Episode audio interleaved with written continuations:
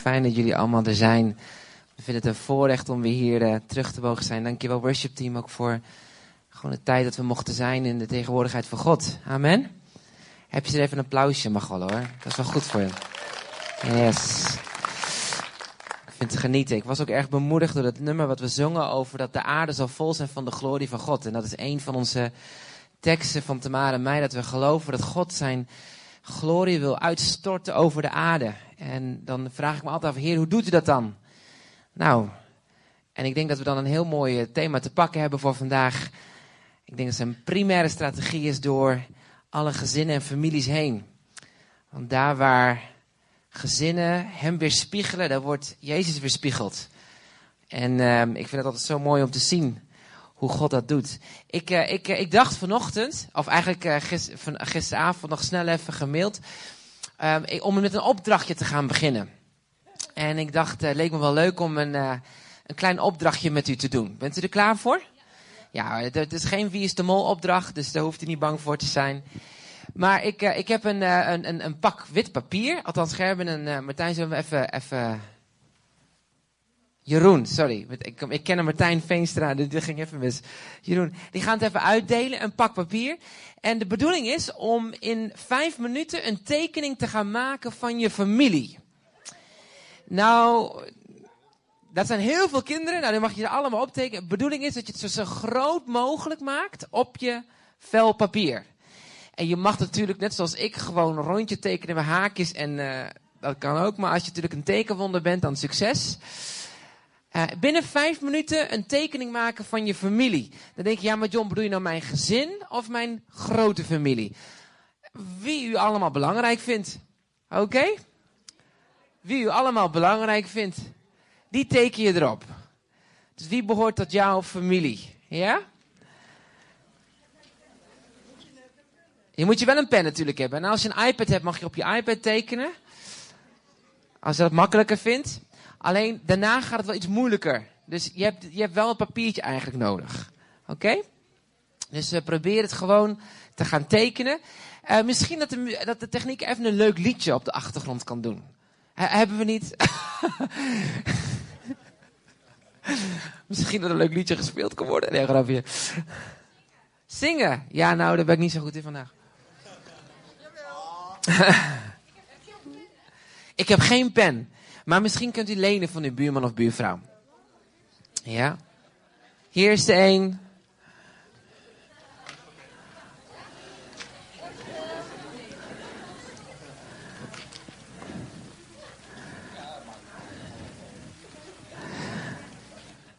Maak er iets moois van. De bedoeling is dat het mooi wordt. Dat je denkt, ja, zo groot. Ja, dat mag best wel mooi zijn. En echt groot. Het, moet het hele papiertje moet het gebruiken. Het belangrijk is dat je het hele papiertje gebruikt. Ja?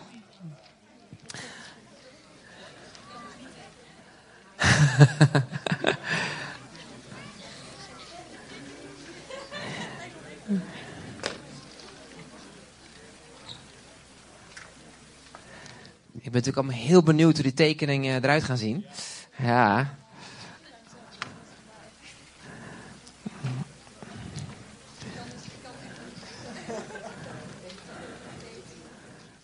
Even goed tellen.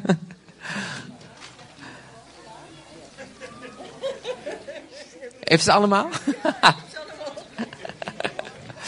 Met Tamara hebben ze ook een grote familie. Dus er moest iedereen erbij op. En alle broertjes, zusjes en kindjes en kleinkindjes.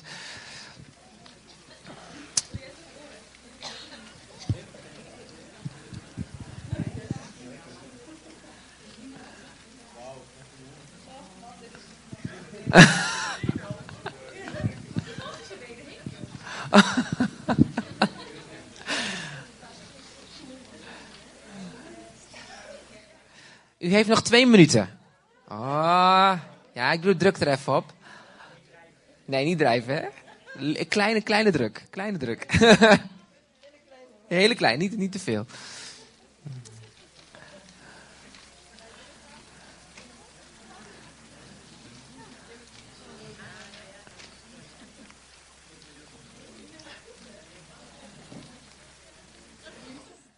En als je uh, over je familie nadenkt, dan wil ik je vragen of je één kernwoord wil schrijven wat, wat nou jouw familie voor jou betekent. Wat is nou een kernwoord? Wat vind je, ja, daar staat mijn familie voor.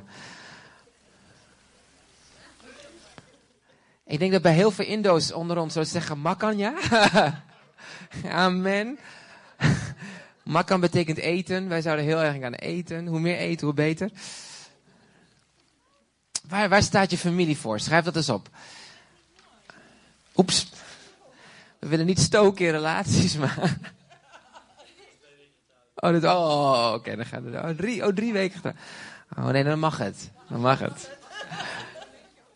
Waar staat, je, waar staat je gezin of je familie voor? Wat voor kernwoord kan je daaraan plakken? Oké.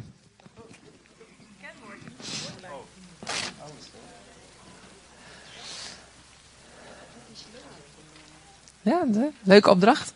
Oh, dat vind ik leuk.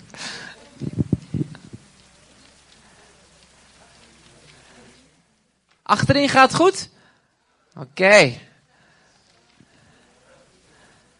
Je denkt, mooi, ik zit achterin, hoef niet uh, te tekenen. Als je klaar bent, wil ik je vragen om even te gaan staan en je tekening is omhoog te houden. Oké? Het is niet een keuring, maar gewoon even laten zien. Ja? Oké. ja, prachtig. Laat maar zien. Oh ja, kijk. Ja. Zijn er nog meer mensen die achterin uh, al klaar zijn? Laat de tekening maar even zien. En kijk eens, om, om, om, kijk eens rondom je naar de verschillende gezinnen en families die er vertegenwoordigd zijn op de, door de tekening. Kijk eens rond. Zo. Sommigen hebben hele grote families. Prachtig.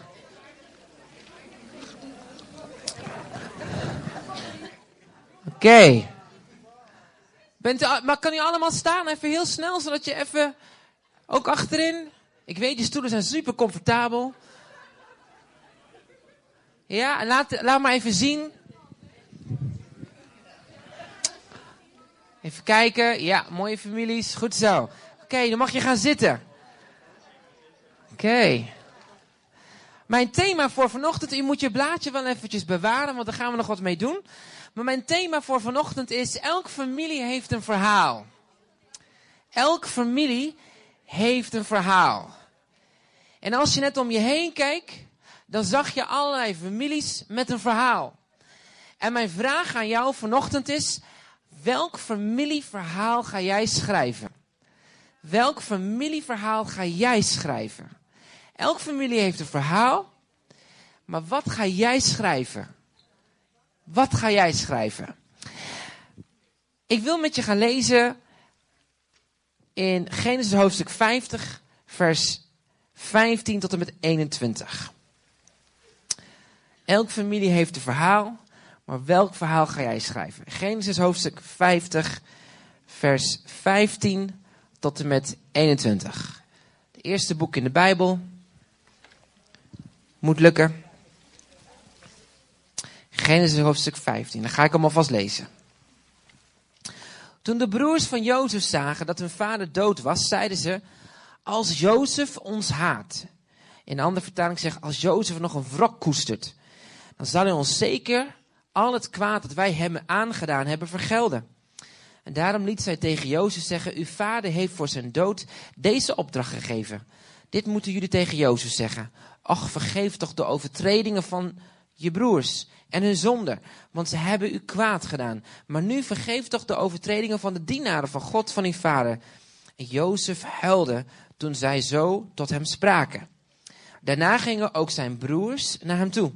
Ze vielen voor hem neer en zeiden, zie, wij zullen u tot slaven zijn. En Jozef zeide daarop tegen hen, wees niet bevreesd, want sta ik soms op de plaats van God? Jullie weliswaar, jullie hebben kwaad tegen mij bedacht, maar God heeft dat ten goede gedacht. Om te doen zoals het op deze dag is, een groot volk in leven te houden. Nu dan, wees niet bevreesd, ik zelf zal jullie tot en jullie kleine kinderen onderhouden. Of dat betekent ook wel voor zorgen.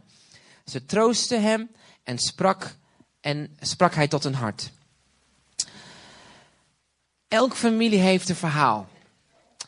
En als je net op die verschillende briefjes keek, dan zijn er misschien hele mooie verhalen over hele mooie families.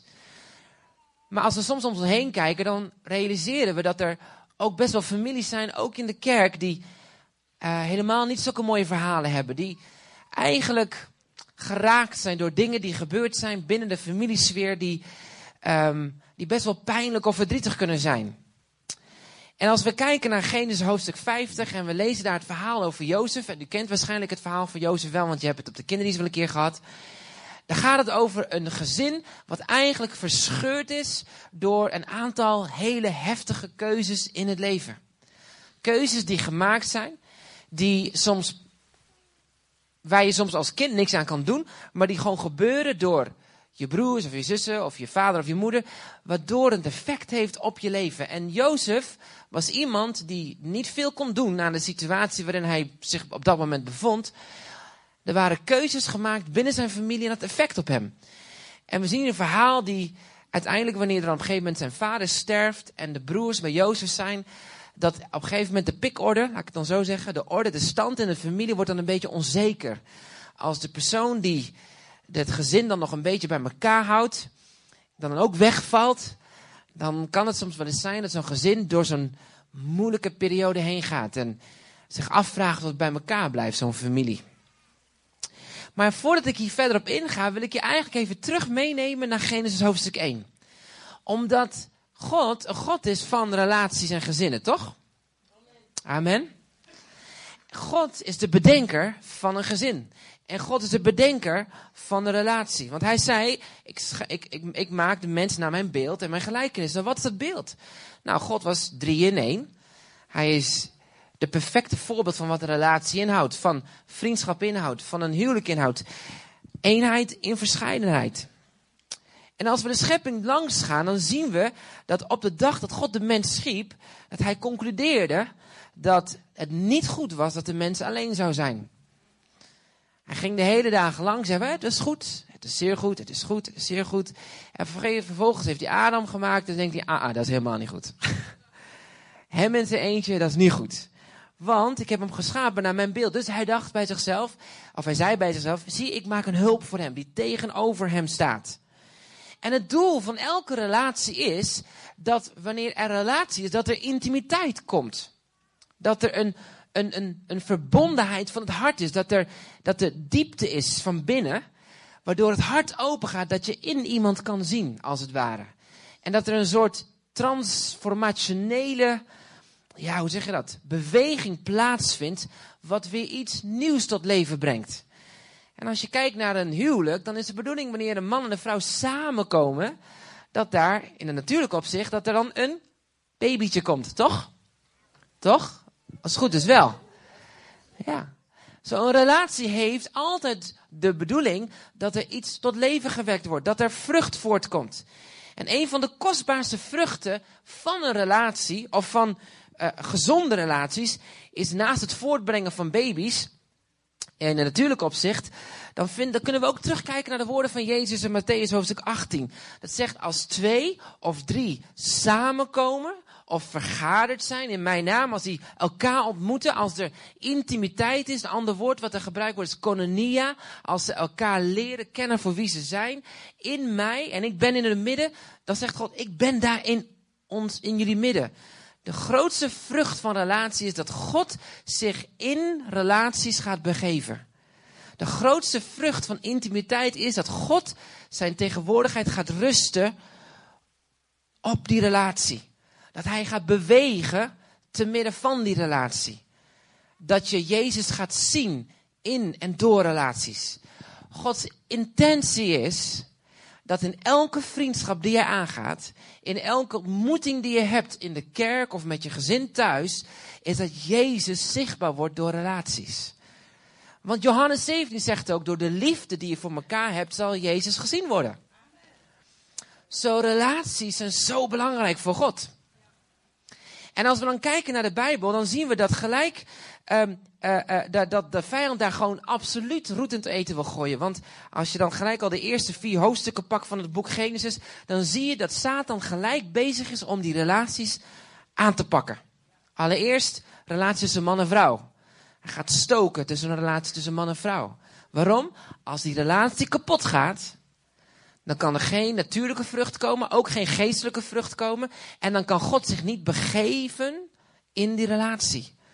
Dan wordt God niet zichtbaar in de relatie. Dan kan Gods tegenwoordigheid niet rusten op die relatie. Wist je dat elke vriendschap die jij aangaat, elke relatie die je hebt met jouw kind, met je zoon, je broer, je zus, je vader of je moeder, dat Gods intentie is dat hij zichtbaar daar wil worden? Dan denk je, oeh, John, mijn, mijn ouders zijn nog niet, tot geloof, tot niet, tot niet, tot niet, uh, zijn nog niet gelovig. Maar dan nog wil God zichtbaar worden in de relatie die je hebt met jouw vader en je moeder. Dan nog wil hij zichzelf bekendmaken in de manier hoe jij je verbindt aan de ander. Um, en zo, we zien dat hij gaat stoken, de Satan stookt tussen man en vrouw. Hij gaat stoken tussen broers en zussen. Hij gaat stoken tussen ouders en kinderen.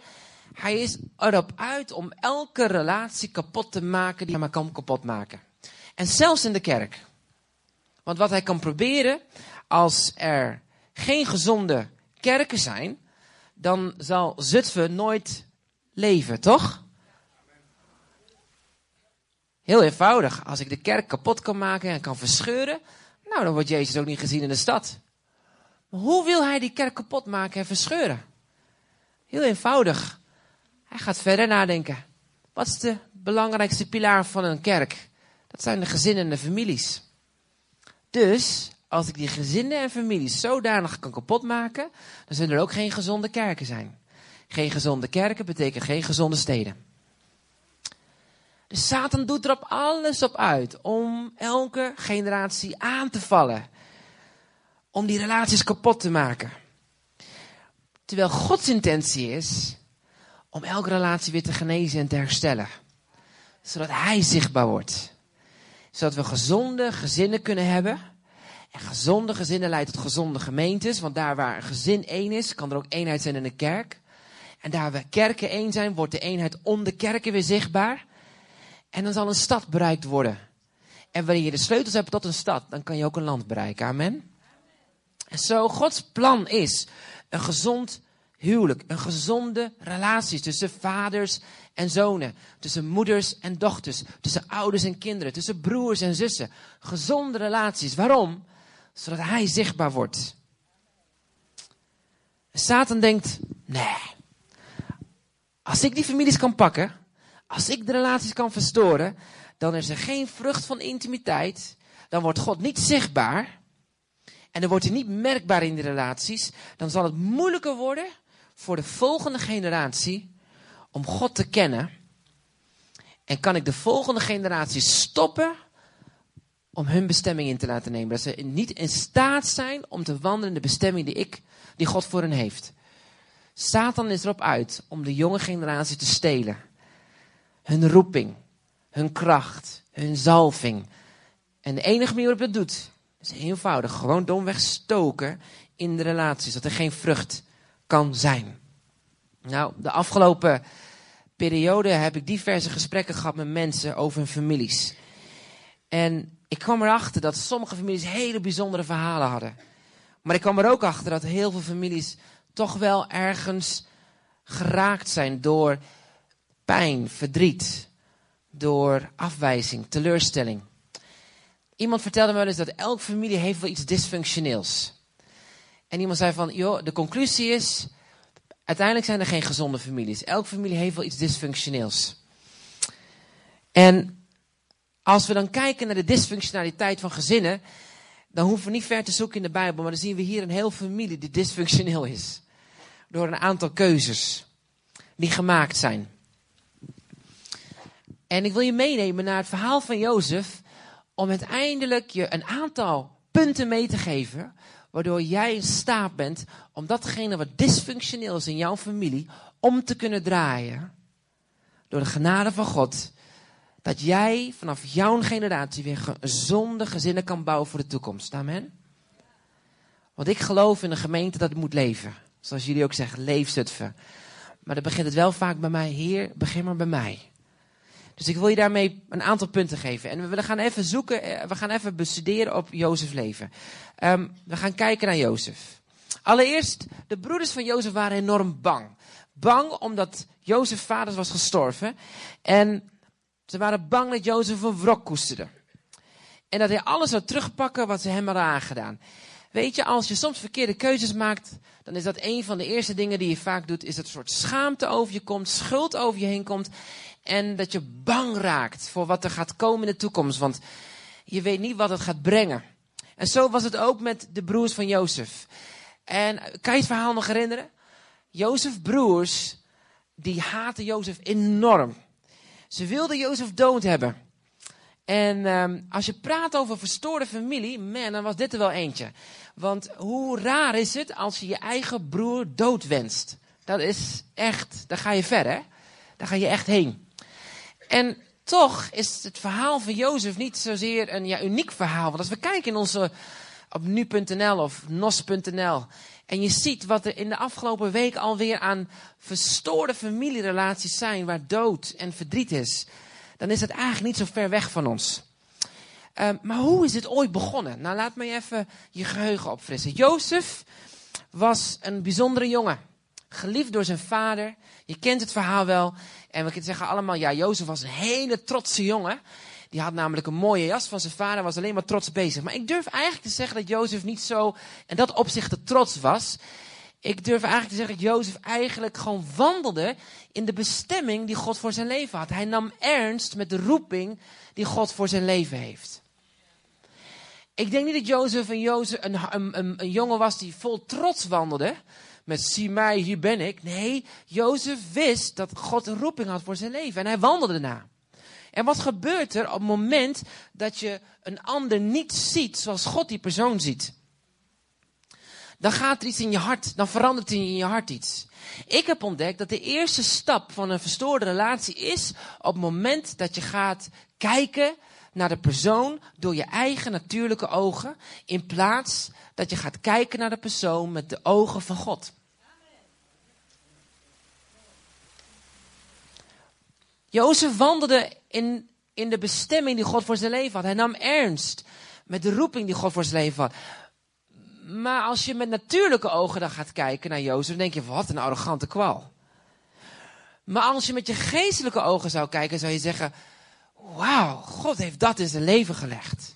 En hoe kan ik daarmee bouwen? Hoe kan ik dat vrijzetten? Zodra je met je menselijke ogen de ander gaat zien, dan ga je de ander tolereren in plaats van vieren. Op het moment dat je met je menselijke ogen gaat kijken, dan ga je jezelf vergelijken met de ander. En wat leidt dat toe? Nou, dat leidt toe dat je de ander gaat meten aan wat jij belangrijk vindt. In plaats dat je de ander gaat vrijzetten in datgene wat God belangrijk vindt voor de persoon. Dus wat doe je? je beeld gaat zich als het ware, ja, dat, dat verkleurt op de ander. En, de, en jouw maatstaf die jij voor jezelf hebt, ga je leggen op de ander. En dat is de eerste, of eigenlijk de tweede stap van een verstoorde relatie. Is zodra jij de ander niet gaat zien door de ogen van God, maar met je ogen van jezelf, dan ga je de ander meten aan jou, ja, jouw maatstaf. Aan de dingen die jij belangrijk vindt. En, en, en vaak, dan ontwikkelt het zich als volgt. Ik heb ontdekt dat het begint heel vaak in, christelijke termen. Ja, ik, ik, ik, ik, ik heb uh, ja, wel zorg voor deze persoon, voor waar dingen ontwikkelen. Herken je dat? We noemen dat vaak zorg hebben voor de ander. En wat het eigenlijk zegt, is dat je bedenkingen hebt bij de acties en de dingen die een ander. Je gaat de intentie die de ander heeft, ga je in twijfel trekken. Je hebt zorg. En zo vaak onder het mom van pastorale zorg hebben we vaak al mensen gemeten in een hoek.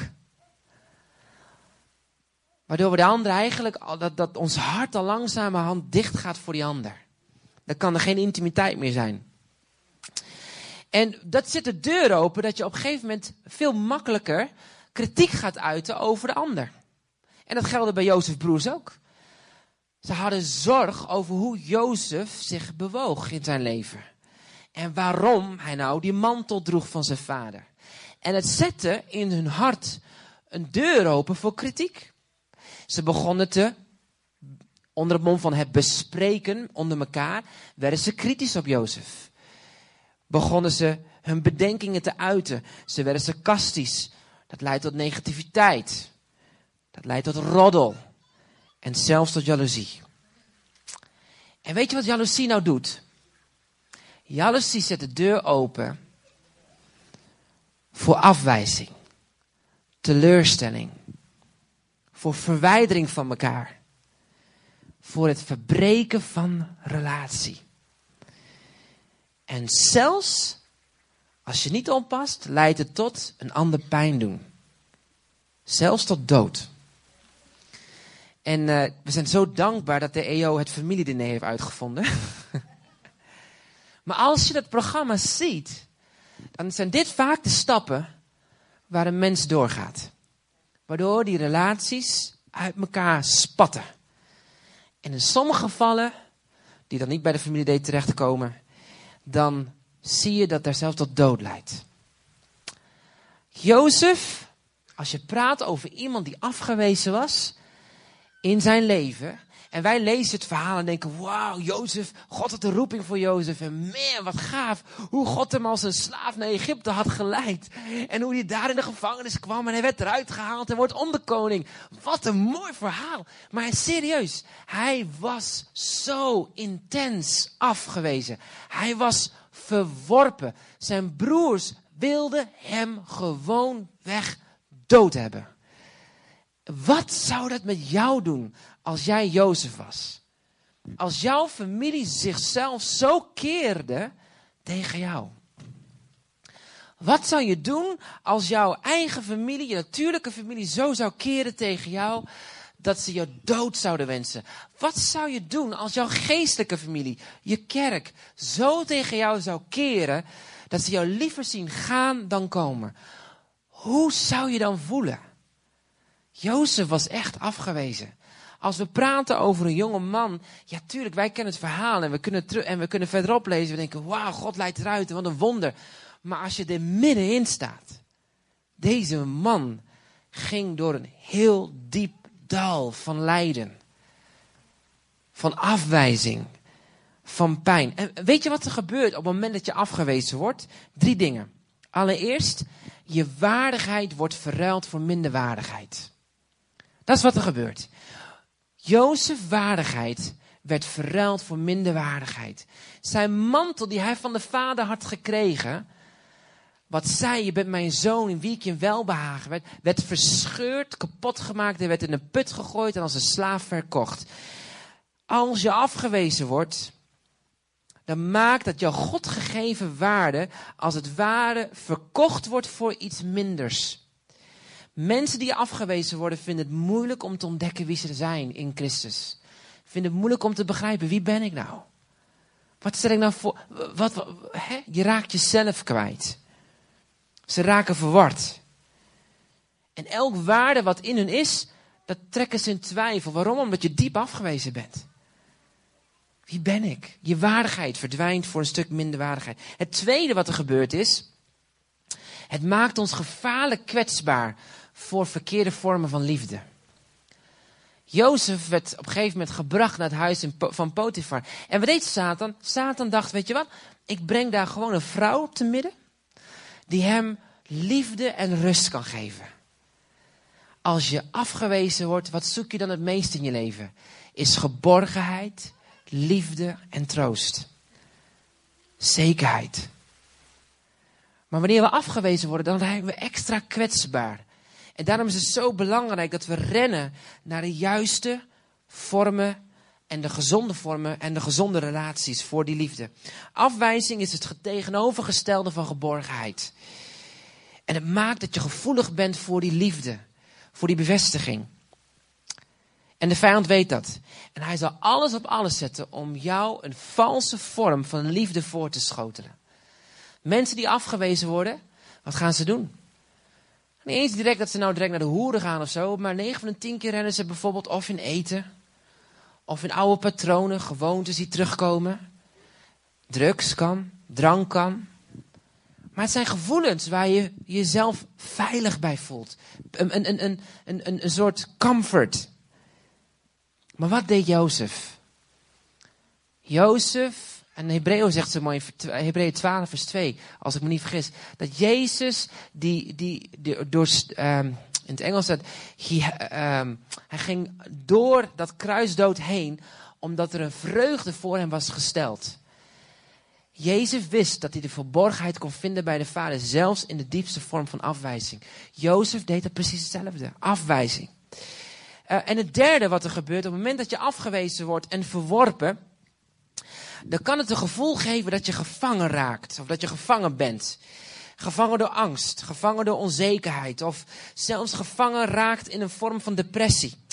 En als je gevangen raakt, dan voel je, dan, dan, dan raak je passief. Dan trek je je terug. Dan sterf je als het ware van binnen. Dan leef je niet meer. Maar Jozef koos te midden van zijn gevangenis om te dienen. En toch de ander te zegenen. Dat is raar, hè? Elke keer wanneer Jozef door dat proces van afwijzing heen ging, koos hij een tegenovergestelde iets. En weet je wat ik heb ontdekt? De grootste afwijzing die je ooit kan meemaken in je leven, is niet zozeer van je collega. Is nog niet eens zozeer van je broeder of zuster in je kerk. Maar de grootste afwijzing die je ooit kan ervaren is binnen je familie. Want je familie is je God gegeven plaats. Om allereerst je waardigheid te ontvangen van wie je bent in Christus. Twee, om de liefde en de geborgenheid van God te ervaren. Dat je weet dat je weet, ik hoor erbij. Dit is mijn plek. Dit is waar ik thuis hoor. Ik hoef me niet anders voor te doen. Dit is wie ik ben. Ik hoor erbij. Ik heb geborgenheid. Ik heb liefde. En het derde is, de familie, het gezin is de plaats waarin jouw karakter mag gevormd worden. Maar ook waar je leert om uit te reiken. Om samen te werken. Om een ander tot zegen te zijn. God riep Abraham en zijn familie op om een zegen te zijn voor een ander.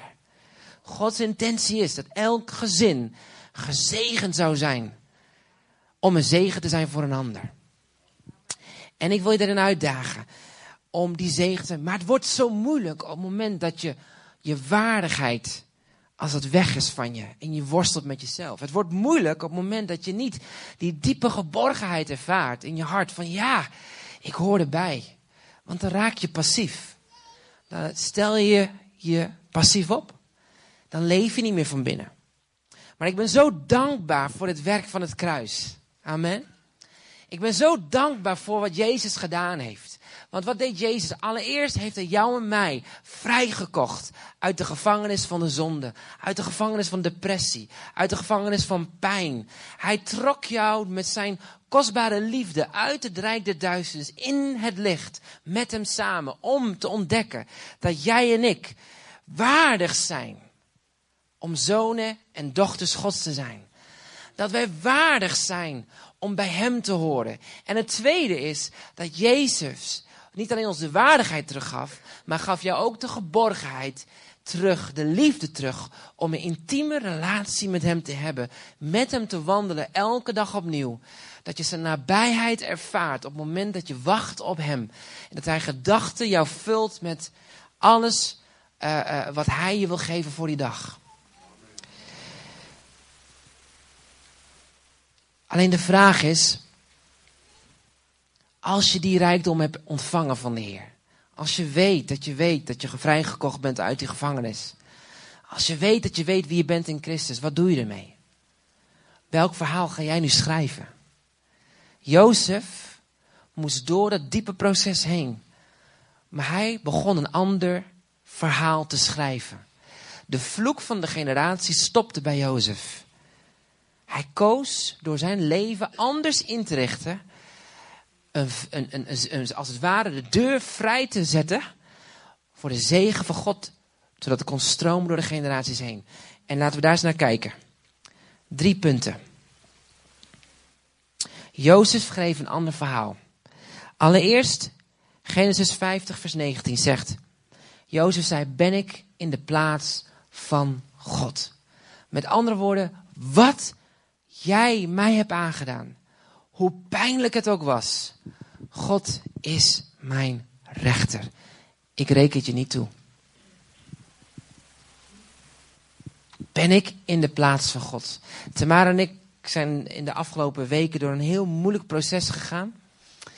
En ons gebed is de afgelopen weken alleen maar dit. Heer, u bent rechter.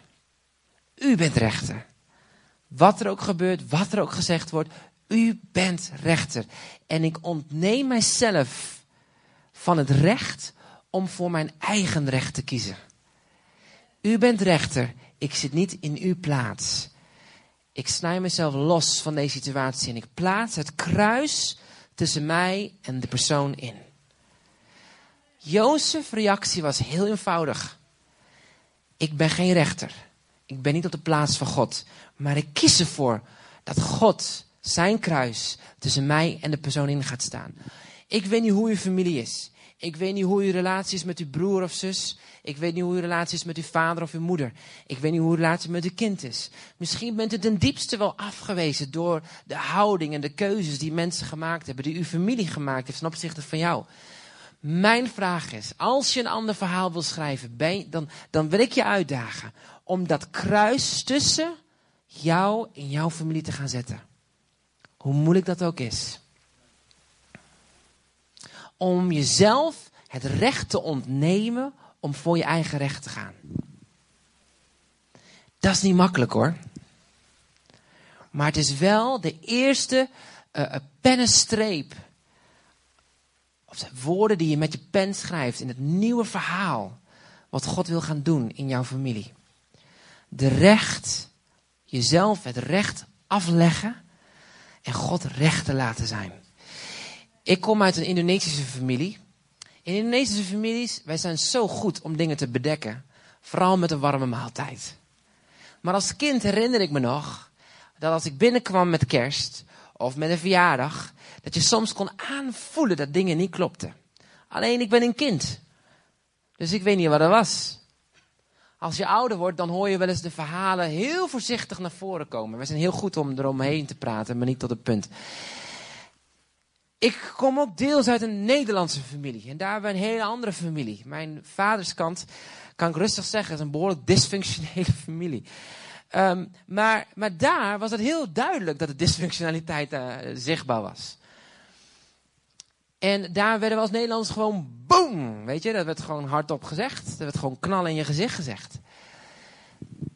Niet fijn, maar wel duidelijk. Ja, je weet waar je toe bent, hè? Ja.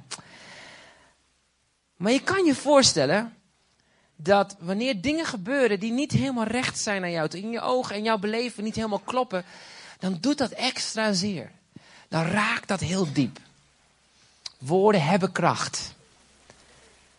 En familierelaties worden dan in één keer heel dun.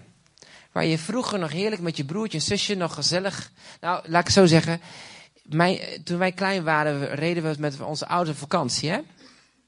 In zo'n Citroën ZX'je. Vier kinderen op de achterbank met zo'n uh, coolbox, voeten erbovenop. Want natuurlijk Nederlanders nemen al het eten altijd mee. Raampjes open, geen airconditioning, op de routesolijn naar beneden. Nou, dan hou je natuurlijk naar, niet, niet lang vol. Als je voorbij Lyon bent, dan, dan is de eerste, tweede, derde en de vierde wereldoorlog lang, lang uitgebroken. Nee, dit is mijn lijn. Blijf er vanaf. Weet je? Dat ging over en weer. En mijn zusje had heel lang haar. En dat waaide alle kanten op, tot ergernis van mijn broer. Dat waaide in zijn gezicht, dus hij duwde zijn kont ook heel pontificaal. En nee, dat is mijn lijn. En mijn nichtje en ik zaten tegen het. Je weet hoe dat gaat. Maar weet je wat er altijd gebeurde bij ons in de familie? Op het moment dat we dan in de tweede, zeg maar derde dag van de vakantie waren, dan zaten we vaak aan tafel en dan barstte de bom. En dan zaten we allemaal te snotteren en te huilen en elkaar vergeving vragen. Om de dood eenvoudige reden dat er was spanning in de relatie. En dan, boem. En wat doe je dan? Ga je voor je eigen recht of leg je die neer? Weet je dat je het meest ontploft bij de mensen die je, waarvan je het meeste houdt? Apart hè? Juist de mensen waar je van het meest houdt, daar ontplof je vaak heel snel. Ik merk het aan mezelf. Als ik onder druk sta en ik ben onder stress, dan ontplof ik makkelijker in mijn gezin dan dat ik liefdevol met mijn collega's zit. Ja, prijs de Heer, God is goed. ik ontplof makkelijker bij mijn gezin. Het probleem is dat mijn ontploffing vaak meer teweeg brengt dan ik ooit kan bedenken. Maar wat doe je? Jezus, of Jozef schreef een ander verhaal door deze uitspraak. Hij zei: Ben ik op de plaats van God? Ben ik op de plaats van God om jouw acties die jij tegen mij gedaan hebt te beoordelen? Hij zei: Nee. Ik leg het af. Het tweede was dat Jozef, en dat staat in Genesis 50, vers 20, maar ook vers, uh, uh, Genesis 46, vers 5 en 8. Jozef keek terug op zijn geschiedenis door de ogen van God. Jozef keek terug op de geschiedenis door de ogen van God. Dat is lastig. Want soms als we denken aan de dingen die gebeurd in ons leven, die pijnlijk en verdrietig zijn, wat gebeurt er dan? Dan zeggen we, ja nee, maar dat gebeurde daarom en daarom, en daarom ben ik nu zo. Nee, Jozef keek door de ogen van God terug naar zijn geschiedenis. Hij zegt niet, daarom ben ik zo. Hij zegt, dit is de reden waarom God mij nu hier heeft geplaatst. Hij draaide het om. Hij zei, datgene wat kwaad bedacht is, heeft God omgedraaid ten goede voor mij en voor jou. Dus whatever er ook gebeurd is in mijn verleden, wie mij ook heeft pijn gedaan, mijn familie, mijn vader, mijn moeder, mijn broer, mijn welke relatie ook kapot is, ik kies ervoor om door de ogen van God te kijken naar al die dingen. En eruit te gaan halen wat Hij heeft bedoeld om mij te vormen en te kneden voor zoals ik nu ben. Om op deze dag, zoals Jozef zei, redding te kunnen brengen aan een wereld die verloren gaat. God heeft u hier gebracht. Op dit punt, op dit moment, heeft Hij hier jou naartoe geleid. Dwars door al die dingen heen. Heeft hij je hand vastgepakt. En zegt, ik breng je naar de plaats van vandaag. Waarom? Ik heb een reden. Alleen, om die reden te ontdekken, moet je eerst terugkijken naar je verleden door mijn ogen. Door mijn ogen. En het derde is dat Jozef moest realiseren dat vergeving Gods redding en genezing vrijzet. Maar, maar meer dan dat, het zet ook Gods potentieel vrij voor zijn leven en de toekomstige generaties. Vergeving gaat zoveel dieper dan genezing alleen voor jezelf. Vergeving is niet het vergoeilijken van de pijn die een ander heeft aangedaan, maar jezelf vrijzetten van de angel van het verleden, zodat jij kan worden de persoon die God jou bedoeld heeft. En zodat jij weer kan vrijzetten het potentieel en de bestemming in de volgende generatie. Het handicap waarmee jij mee geslagen bent, wil God door zijn kruis heel maken.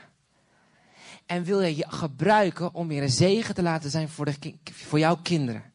Voor jouw jouw broers, jouw zussen. Voor wie dan ook God in jouw omgeving geplaatst heeft. Ik heb ontdekt dat als ik niet deel met mijn verleden, dan automatisch gaat het domweg door. Maar als ik ervoor kies om achter Jezus aan te gaan en die handicap bij het kruis te leggen. En daar in dat kruisdood te ontdekken dat ik een nieuw zoon ben, een, nieuw, nieuwe schepping ben in Hem. Dan kan ik op mijn beurt het potentieel voor de volgende generatie vrijzetten. Omdat ik gedeeld heb met datgene. Dat is vergeving. Je zet het potentieel vrij voor de volgende generatie. Meer dan alleen de genezing voor jezelf. Want je weet wel dit, hè? God houdt intens veel van je. Er is niemand die zoveel van je houdt. Maar de wereld draait niet om jou. Het draait om Hem. En zijn plan. Een derde punt, of het laatste punt wat ik je mee wil geven. Als je een nieuw verhaal wil schrijven, dan zul je net als Jozef moeten kiezen om in de tegenovergestelde geest te gaan bewegen. Datgene wat hij ontving van zijn broers, het tegenovergestelde te gaan doen. Hij ontving afwijzing. Hij ontving verwijdering. Hij ontving kritiek. Hij ontving zelfs bijna de dood. Wat koos Jozef? Genesis 5, 21. Hij zei, God heeft me hier naartoe gebracht. Hij, jullie hebben het slechte bedacht, maar God draait om te goede. Hij heeft dit bedoeld dat ik het potentieel in jullie leven, als wel in mijn kinderen en in mijzelf, vrij kan zetten. En hij zegt daar in 5 vers 21, ik zal voor je zorgen. Wees niet bang. Ik zorg voor je. Wist je dat het belangrijkste wat God wil doen in een familie, is dat wanneer er ware vergeving is, dan kan er ook werkelijk een gevende houding komen. Je kan jezelf checken. Als je geen gevende houding hebt naar je familie, dan is het nog niet gedeeld. Als je hebt gedeeld, zul je ontdekken dat je hart weer open is om te geven. Dan ga je lief hebben. En dan ga je voorbij de pijn en de schuld kijken. En dan ga je doen zoals Jezus deed bij jou. Je gaat zorg dragen. Er was een man. Een oude man. Een excentriekeling in een dorpje.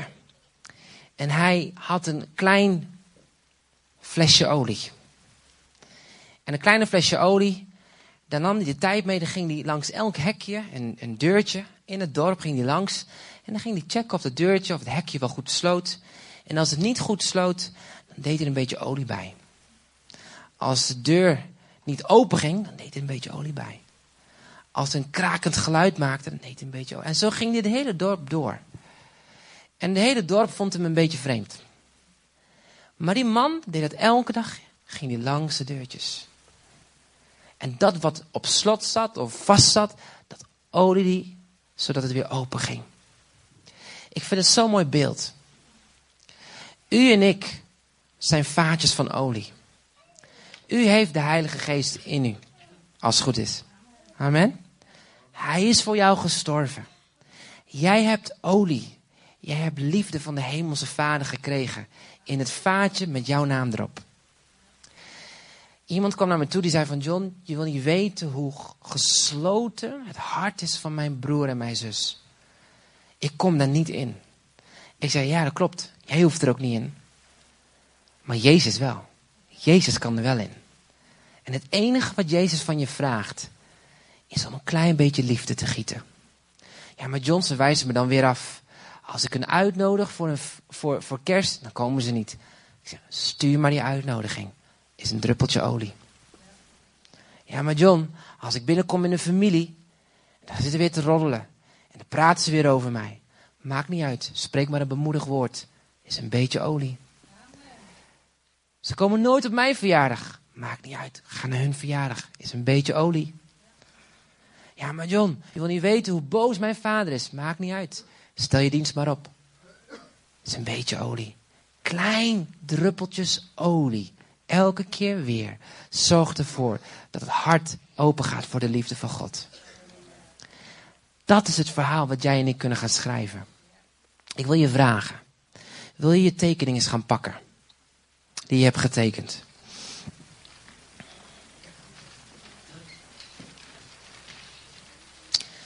Wil je hem eens vouwen in ongeveer in een vierkantje. Niet, niet te klein, zeg maar ja, zo drie keer hoogheid.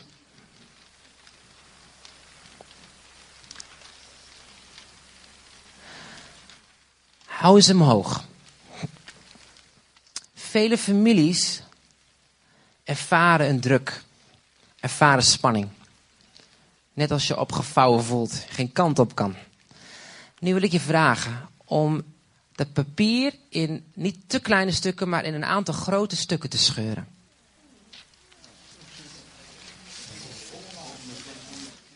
En hou die stukjes bij elkaar.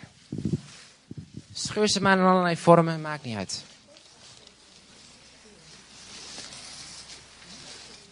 Ik wil je vragen om opnieuw je papiertje omhoog te houden. Kijk eens goed om je heen. Dit is wat Satan doet. Besef je wat ik zeg?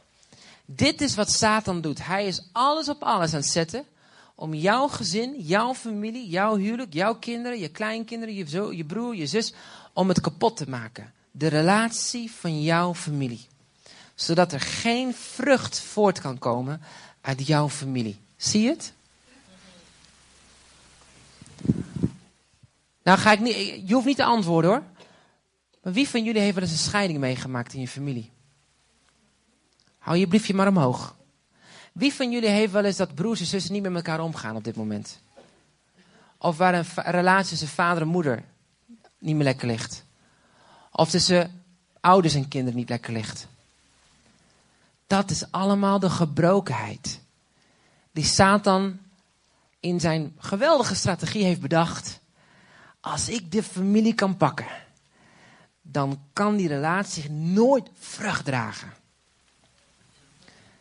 Maar wie gelooft er in het kruisdood van Jezus? Allemaal, hè? Hou je papiertjes omhoog. Ik wil je vragen om met mij te gaan staan.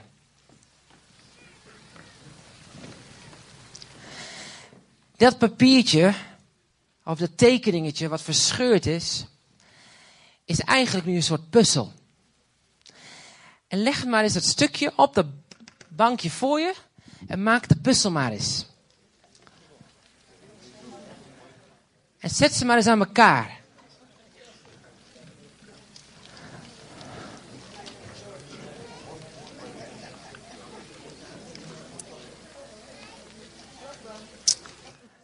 En ik hoor het al, iemand zegt tegen mij plakband, inderdaad. Maar wat ik je wil uitdagen is dit. In de aankomende weken wil ik je uitdagen om van tijd tot tijd, wanneer de Heer het in je hart legt, om de puzzel van je familie te gaan maken. En niet te plakken hoor met plakband, maar gewoon te maken en te gaan vragen en te gaan bidden aan de Heer. Heer, wilt u mij een strategie geven hoe ik olie mag gaan gieten in de relatie tussen mijn vader en mijn moeder, in mijn broer en mijn zus, mijn kinderen. Dat wat verscheurd is, dat ik daar weer leven mag gaan brengen. Amen? Amen? Ik weet dat, dit, is, dit komt heel dichtbij. Ik weet dat ik het maak, dat ik het met tranen zat te maken, omdat het kwam heel dichtbij voor mij. Dat ik, ja, als ik, als, als, als, als ik maar passief mee omga, dan gebeurt er niks. Maar God daagt u en mij uit om net als Jozef, die puzzel van ons leven te gaan maken. En zeggen, oké Heer, en te gaan bidden. Vader, vraag, wilt u mij een strategie geven om herstel te brengen binnen mijn familie? Wilt u mij helpen, Heer, om hoe ik olie kan gieten in de scharnieren van het hart van mijn broer en mijn zus. Van degene die u niet kennen. Van de relatie tussen mijn vader en mijn moeder. En Heer, niet dat jij de wonder kan brengen. Nee, enig wat je kan brengen is de liefde van Jezus door jou heen. Dat is alles. Meer hoef je ook niet te doen. Je bent niet verantwoordelijk voor de zonde van hun. Je bent niet verantwoordelijk voor hun keuzes. Enige wat je kan doen is simpelweg gieten van de olie van de liefde van God in het hart van die ander. En daarvoor heb je moed nodig. En ik geloof in een kerk van moed. Ik geloof in mensen die een robuust geloof hebben. Die zeggen, ja heer, ik wil verandering zien in mijn familie. Net als Jozef wil ik ervoor kiezen om als ik naar huis ga, dat ik verandering in 2015 ga zien in de relaties van mijn broer en mijn zussen. Met de hoop en de zekerheid dat u op een dag, daar waar het misschien nu zo onmogelijk lijkt, dat u door gaat breken in het leven van mijn, mijn, mijn, mijn familielid, mijn, degene die ik lief heb. En dat u verandering gaat brengen. En dat ze u zullen kennen. Ze hoeven mij niet allemaal naar de kerk. Ze hoeven mij niet allemaal in dezelfde kerk. Maar het feit dat ze u zullen leren kennen. En Heer, wilt u mij ervoor gaan gebruiken. Amen. Amen. Ook achterin? Yes. Zullen we gaan staan en die briefjes in de lucht gaan houden? Gaan we ervoor bidden. Ik weet dat er een aantal van jullie zijn die door best wel moeilijke dingen heen gaan in je familie.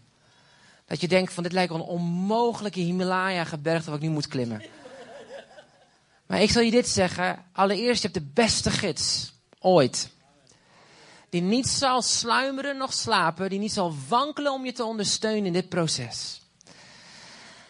En het tweede is, hij is niet alleen de gids, hij is ook de lastdier. Hij neemt jouw lasten van jou weg. Zodat jij in staat bent die berg te beklimmen, vol geloof.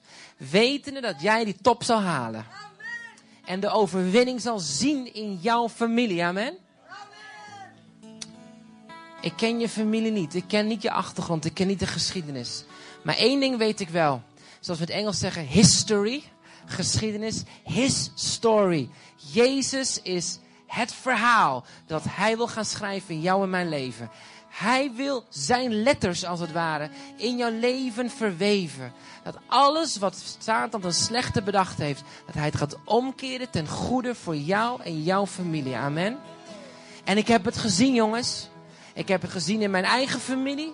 Toen Tamara en ik hiermee bezig zijn, wij hebben doorbraken gezien in onze eigen familie. En in de bredere zin, binnen onze kerkfamilie, binnen vrienden, daar waar mensen zeiden, Heer, ik wil die puzzel maken. Heer, geef me een strategie. En dingen gingen veranderen. Want God zal niet liegen als Hij zegt, ik maak alle dingen nieuw. Zo laten we dat dingen in de lucht gaan houden. Vader, dank u wel. U ziet al die puzzelstukjes van ons leven. U ziet alle families, u ziet alle verhalen. U weet wat er is gebeurd. U weet wat werkelijk waarheid is. U weet de pijn die gedaan is. U weet de afwijzing die we gevoeld hebben. Maar Heer, we willen net als Jozef vanochtend zeggen: Heer, ik ben niet in uw plaats. U bent rechter. Ik geef het recht over aan u. En ik dank u wel, Heer, dat u zegt in uw woord dat we nooit beschaamd zullen uitkomen. Maar dat u altijd uw recht zal, zal zegenvieren. Heer, dank u wel, Heer, dat daar waar dingen verkeerd zijn gegaan, u zal rechter zijn. Ik dank u wel, Vader Heer, dat we net als Jozef mogen terug gaan kijken naar het verleden door uw ogen. En zeggen, oké, die dingen waren pijnlijk en moeilijk. En die dingen hebben me heel diep geraakt. Maar ondanks dat heb ik Jezus beter leren kennen. En is er hoop voor mijn toekomst. En Heer, we willen net als Jozef ook beleiden, Heer, dat vergeving die wij schenken niet alleen maar is voor genezing van onszelf, maar dat we inzien dat het noodzakelijk is voor de vrijzetting van onze generaties onder ons. Halleluja. En net als Jozef, Heer, willen we kiezen om een beetje olie te gaan gieten in de scharnieren van de harten die zo op slot zijn. Heer, wie we niet meer kunnen bereiken. Maar dank u wel, Heer, dat bij u alles mogelijk is. Niet door kracht, noch door geweld, maar door uw geest. Vader, niet door mensenkennis of mensenstrategieën, maar door uw geest. En ik bid daarom, Heer, wilt u de gemeente aanraken. Stuk voor stuk. Heer, in dit gebed, Vader, waar ze ook nu zitten. Heer, dat ze hoop gaan hebben in hun hoofd, in hun hart. Heer, dat er een klik gaat komen met uw strategie voor hun familie. Dank u wel, Heer, dat daar waar uh, uh, uh, ja, dingen uit elkaar zijn gegroeid en kapot is gemaakt, u weer toenadering gaat brengen. U weer ruimte gaat geven. U weer liefde gaat geven. U herstel en genezing gaat brengen. En we prijzen u voor die overwinning in Jezus' machtige naam. We zijn geen slachtoffers, maar we zijn overwinnaars in u. Heer, alles wat we niet konden, kunnen we nu in u. En ik dank u wel, Heer, dat wat menselijke wijze niet mogelijk is. Bij u is alles mogelijk. En daarom zegen ik de gemeente hier met dit strategieën van uw geest, van uw hart. Voor herstel in de familie. En lieve gemeente, weet dat jouw waardigheid, dat je die hebt gekregen van God de Vader. Door het offer van de Zoon van Jezus Christus. Dat wat onwaardig aan jou kleefde dat wat onwaardig aan jou is besmet, heeft jou besmet heeft. Datgene wat jouw kleren verscheurd heeft, heeft God jou nieuw kleed gegeven van zijn zoon en dochterschap. Je bent waardig, zegt de Heer. En de Heer zegt niet alleen je bent waardig om mijn zoon en dochter te heten, maar je bent ook nog eens de meest geliefde zoon en dochter. Je kan niet bedenken hoeveel de Heer van je houdt. Zijn nabijheid is er elke dag voor jou opnieuw. De geborgenheid en de liefde van God wil je vervullen daar waar mensen je pijn hebben gedaan. Waar nu geen liefde meer bij kan. De Heer wil dieper in, inkomen als, als een soort water wat in jou gaat stromen door de Heilige Geest. Dat je weet dat je weet, ik ben de meest geliefde dochter. Ik ben de meest geliefde zoon. Niemand kan mij scheiden uit de hand van God. Geen kracht noch macht. Niks kan mij scheiden van de liefde van de Vader. En dank u wel, Heer, dat dat wat aan waardigheid weggenomen is. Heer, dat wat misschien gebroken was in, eh, in dingen, u allemaal omdraait. En dat u zegt, mijn zoon en dochter, zie, ik geef je vijf broden en twee visjes. Zie, ik geef jou een potje met olie. Zie, ik geef jou mogelijkheden om te zegenen. Om te bouwen. Om herstel te brengen. Om liefde te geven. In de machtige naam van Jezus. In de machtige... Heer, Download uw strategie maar. En Heer, wek ons hart maar op met geloof. Heer, dat alles kan veranderen in u. En het zal gebeuren. Op uw tijd. Dat is uw belofte. In de machtige naam van Jezus. Amen. We gaan eh, 645 zingen. Ik kies vandaag, ik leef voor u.